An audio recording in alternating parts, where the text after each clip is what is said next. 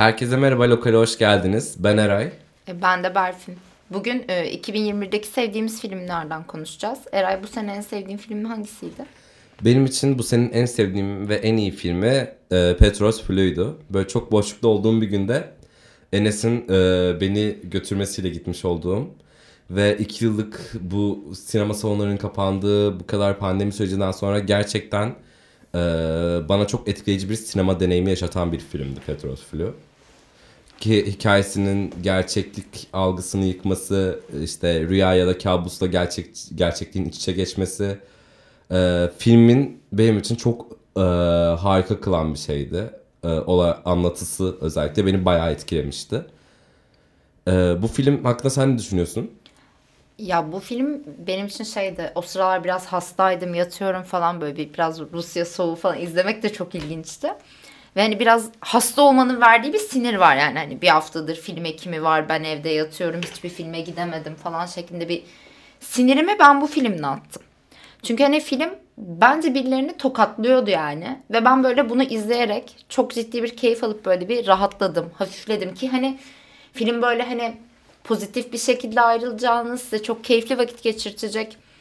Hani pozitif anlamda keyifli vakit geçirecek bir film değil. Ama filmi anlamaya çalışmayıp, e, filmi olduğu gibi kabul edip izleyince kesinlikle insanı çok rahatlatan bir filmdi. Hani benim özellikle bu kadar karanlık bir yapımdan bu kadar mutlu ayrılmam benim için bu filmi hani ilginç ve özel kılan noktaydı. Evet ve hani genel olarak bu filmle alakalı şunu da demek istiyorum. Ee, filmi izlerken e, kesinlikle sinemada izlemeniz gereken bir film. Hani yani evde oturup ben açsaydım e, bir yerden sonra takip edemezdim. E, ama sinema deneyimi olaraktan bunu yaşatan bir film. Ve filmi e, dakikası dakikasına izlerken anlamaya çalışmamanız gerekiyor. Filmin kendi derdi a, kendini anlatmaya çalışmak değil. Onu o an izlemenizi istiyor film. Ne olduğunu görmenizi istiyor bir tık.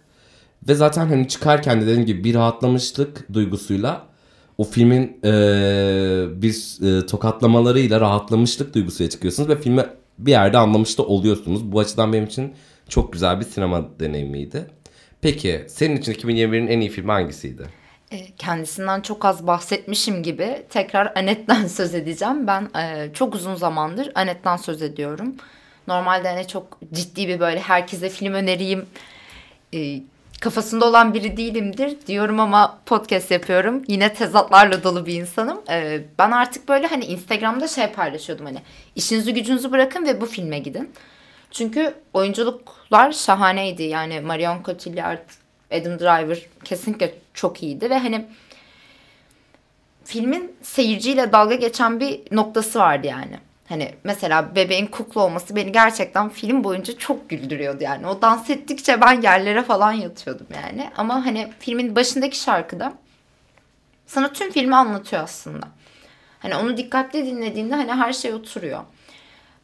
Şarkıların geçişleri çok iyiydi ve hani genel olarak hani her müzikalde yapılan şarkılar çok başarılı olmaz ama buradaki şarkılar hani o kadar başarılıydı ki ben hala Sürekli bunları dinliyorum. Gerçekten ne kadar iyi bir müzikal filmdi yani. Bu açıdan hani müzikal olmak hani derken film sadece e, biz bir hikaye anlatalım aralara da müzik koyalım insanlar dans etsin değil de gerçekten bütün filmin bir müzik, müzikal üzerine kurulması diyalogların müzikallerden oluşması baya harika bir müzikal deneyimiydi ve hani Marion Cotillard, Adam Driver hani Adam Driver bu sene House of Gucci'de izledik Hani orada ne kadar böyle Adam Driver'ı sevmesek de burada e, beni Adam Driver'a aşık etmiş bir filmde oyunculuklar olaraktan. Oyunculara çok aşık olduğum bir filmdi bu. Ya kesinlikle hani filmden sonra zaten böyle bir şeyim hani böyle artık ortaokul gibi böyle bir Hey Girl'den falan Adam Driver posteri alıp odama falan asacağım. Hani o noktaya geldik. Ee, ya filmin o bence geçişleri de çok iyiydi. Hani bir anda böyle hani üzücü bir hikayeyi izliyorken hani biraz tam gerilecekken bir anda böyle bir magazin haberi falan çıkıyordu hani. O geçişleri bizi eğlendirmesi, o eğlencesi kesinlikle bu senenin en iyi yapımıydı bence. Ve bu konuda şeye çok sinirliyim. Bunu hemen e, dile getirip içimden atmam lazım. Neden Fransa'nın Oscar'a aday gösterdiği filmi Titan oldu? Ki hani Fransa'da bu sene gerçekten çok başarılı yapımlar vardı. Hani bir ülke için bunu tartışabiliyor olmamız da çok güzel ama yani bana sorsalardı e, bu komisyon kendilerinde çok zorlandığına eminim. Çok iyi filmler vardı ama hani kesinlikle Annette'i gönderirdim. Yani bu sene zaten Fransa'ya baktığımızda çıkan işlerden işte Titan, Annette, e, Petit Maman olsun. Yine iyi işler vardı. Benim için Fransa'nın Oscar adayı ama e, Kürtaj olmalıydı kesinlikle yine benim film ekimde izlediğim. Ama yine senin dediğini düşünüyorum neden Titan'ı gönderdi Fransa bu sene. Çünkü Kürtaj da benim bu sene Fransız sinemasında izlediğim e, o Fransız sinemasının aktivist yönünü gördüğünüz e, o e, nasıl diyeyim e, daima Fransız sinemasında olan bir mesaj anlatısı olan bir filmdi ama bunu daha gündelik e, bir karakter üzerinden yapmıştı film benim için. Hani hepimizin olabileceği bir üniversite kız e, üniversite okuyan bir e, kadın üzerinden bunu anlatması bir kürtaj hikayesini ve hani verdiği mücadelenin e, anlatısı çok güzeldi. Ama zaten bu sene e, Fransız filmlerinde özellikle benim kürtajda demek istediğim Pierre'ın çok komik olduğuydu. Hani film çok güzel bir filmdi izlerken oyunculuklara aşık olacağınız filmde yönetmenin hani çok fazla iş olmaması, ilk işlerinden biri olmasına rağmen gayet başarılı bir filmdi. Ama neden bu filmin PR'ı herkes ayılıp bayıldı olarak yapıldı? Ya bu tam olarak Türk gazeteciliğidir ama yani hani evet bir şeyden bahsetmemiz gerekiyor. Hemen çok alakasız bir şeyin PR'ını yapalım. Ne gibi? Diyelim ki kürtajda birileri bayıldı, ambulanslar geldi ki bunlar yaşandı ama hani sunuluş şekli çok kötüydü. Mesela Anet üzerinde düşünüyorum. Hani Anet kendilerinin gündemine girmemiş bir film. Anet'in reklamını yapacak olsalardı büyük bir ihtimalle Adam Driver soyundu falan şeklinde ya, evet, bir şey yaparlar. Anet'i bu açıdan ben tekrardan e, teşekkür ediyorum Anet'e bu açıdan. Adam Driver'ı soyunuk bir şekilde görebildiğimiz için. Ama yani gerçekten de Pierre'i çok yanlış yapmış bir filmdi bence Kürtaj. Ee, ve bence Fransa'nın Oscar adayı olması gereken bir filmdi. Ee, harika bir oyunculuk, harika bir yönetmen izliyorsunuz. Harika bir mesajı olan bir film. Bu mesajı size vurgulama derdi olmadı, olmuyor yani bu filmin. Ben işte propaganda yapacağım, aktivistliğimi yapacağım derdinde değil film. Bunu gerçekten bir hikaye anlatma derdinde. Ve buradan da mesajı çok daha rahat e, bir şekilde an, algılayıp e, kendinizi orada görebiliyorsunuz. O mesajın önemini anlayabiliyorsunuz. Bu açıdan bence böyle bir PR yapabilirlerdi. Ama bu kadar da Fransız demişken ben e, French Dispatch'a geçmek istiyorum. Böyle Fransızdan French'e geçelim diyerekten. Bu Hiç alakası olmayan Fransa'yla ama varmış gibi yapacağım. evet Fransa'yla alakası ama biz de böyle şey böyle Fransa'yla alakası yok mu ya bu filmin gibisinden. French Dispatch'a geçiyoruz. Sadece French Dispatch nasıl bir filmdi? Çünkü hani bu sene çok fazla yönetmenin, e, çok fazla büyük yönetmenin işlerini gördük. İşte Wes Anderson'ın e, French Dispatch'i bayağı yankı uyandırmıştı iki, e, senle birlikte film ekiminde izlediğimiz bir filmdi zaten kendisi. E, senin için nasıl bir filmdi French Dispatch? Ya Wes Anderson'ın zaten filmini izlemeye gittiğinde şeyin çok farkındasın. Görsel bir şölen izleyeceksin. Mutsuz ayrılma imkanın yok. Ama bu filme özel şey vardı benim açımdan. Hani ilk duyuruları geçildiğinden beri evet Wes Anderson ama oyuncu kadrosu da çok başarılı şu an. Hani o kadar yüksek bir beklenti oluştu ki bende. Hani bu beklentiyi kesinlikle karşılayamadı. Hani Wes Anderson'ın en iyi iş olduğunu düşünmüyorum. Hani kesinlikle çok göze çarpan oyuncular vardı. Yani Tilda Swinton ve Leo Seydoux mükemmeldi kesinlikle hikayelerinde. Mesela e, daha demin de bahsetmiştik yani Timothée Chalamet neden bu sene her yerdeydi? Ee, buradan gerçekten yönetmenlere, yapımcılara artık nereye sesleniyoruz bilmiyoruz. Bu çocuğun yüzü daha fazla yaşlanmasın. Ekranlara böyle bir iki sene uzak kalabilir bence. Yani biz bir iki sene görmesek de çok yüzünün özlemini çekmeyiz. Yani Timothée Chalamet gerçekten her yerde.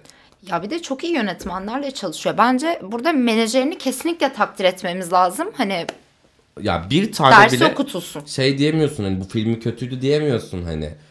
İşte Dune'da bile olsa Dune'a ne kadar beklentilerimizi karşıma desek de idare eder bir film diyorsun hani gerçekten iyi yönetmenlerle iyi filmlerle çalışıyor. Hani bu açıdan da takdire şayan bir şey ama hani görmeyelim artık. Ben sıkıldım. Yeni yüzler bulabiliriz Timothée Chalamet'e tip olarak benzeyen birilerini. Evet.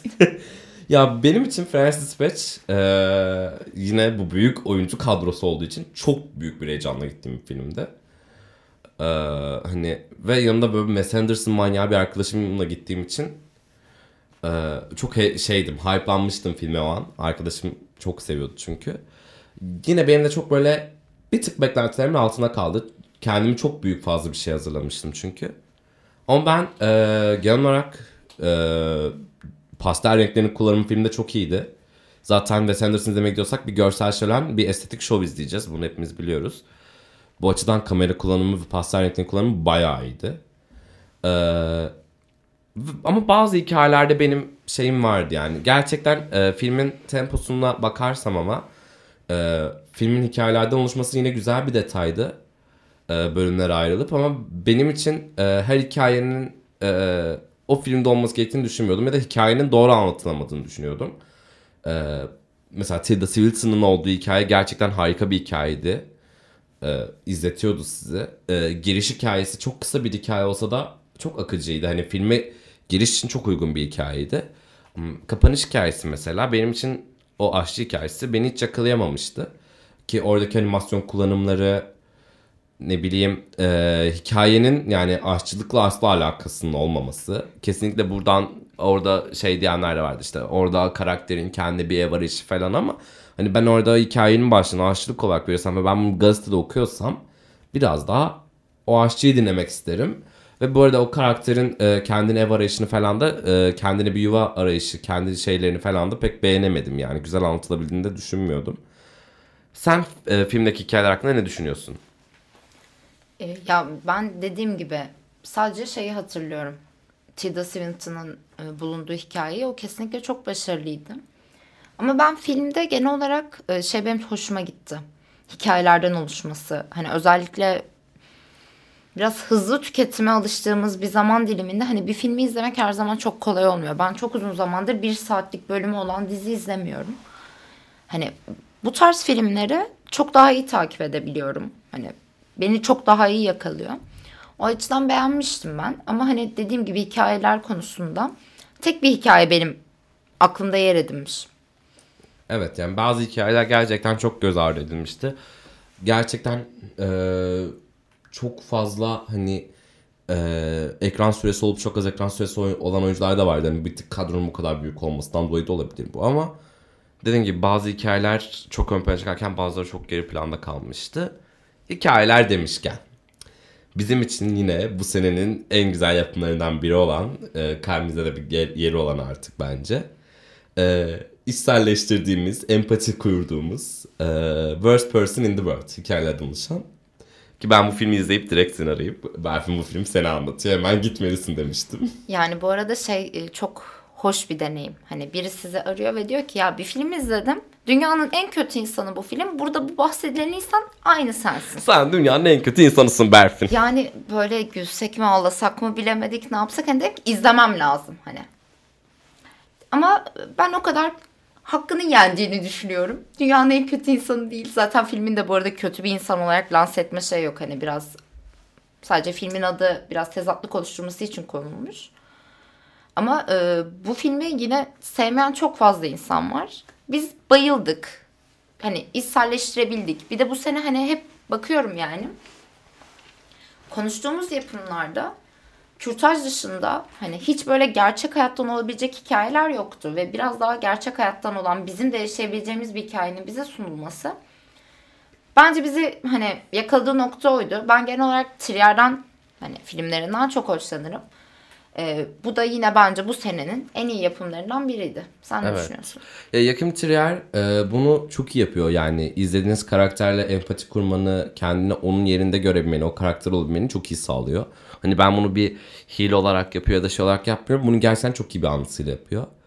Ve dediğin gibi hani e, Worst Person in the World ismiyle gidiyorsun ve bu bir tezatlık oluşturmak için e, bir karakteri izlerken e, bu karakterin hani kötü olduğunu ya da iyi olduğunu anlatma derdi yok. E, gerçekten hepimizin olabileceği, hepimizin yer yer içinde bulunduğu durumları anlatan bir karakter izliyoruz. E, hikayelere bölünmüş olması filmin izlenmesini daha kolay kılıyor. Yani akıcılık sağlıyor filme. Bir mini dizi izliyormuş gibi hissediyorsunuz bir yerden sonra filmde. Ve benim için gerçekten de çok hoş bir sinema deneyimiydi dediğin gibi. Hani çok e, kendine uçuk bir hikaye anlatacağım, hiç deneyimlememiş bir şey yaratacağım derdi olmadan çok gündelik bir hikayeyi çok sade ve edebi bir dille anlatabilmesi benim çok kalbimi kazanmış bir şeydi. Çünkü bunu çok güzel bir dille anlatıyordu ve çok iyi bir şekilde anlatıyordu. Bence e, Worst Person in the World'a hala girecek mi bilmiyorum ama izleyebiliyorsanız ya zaten bu bölümde konuştuğumuz çoğu filmi izleyebiliyorsanız bence gidip sinemada izlemeyi deneyebilirsiniz. Ama aralarından bence en kritik olanı sinemada izlemek zorundasınız diyebileceğimiz bir Petros Filiu'dur. iki Anet'tir bence yine. Hani ses kesinlikle. sistemi önemli. Petros Flu ve Annette'i kesinlikle sinemada izlemeniz gerekiyor. Hani o deneyim için yaratılmış filmler. Ama imkanınız varsa bu filmlere gidip görmenizi şiddetle tavsiye ediyoruz.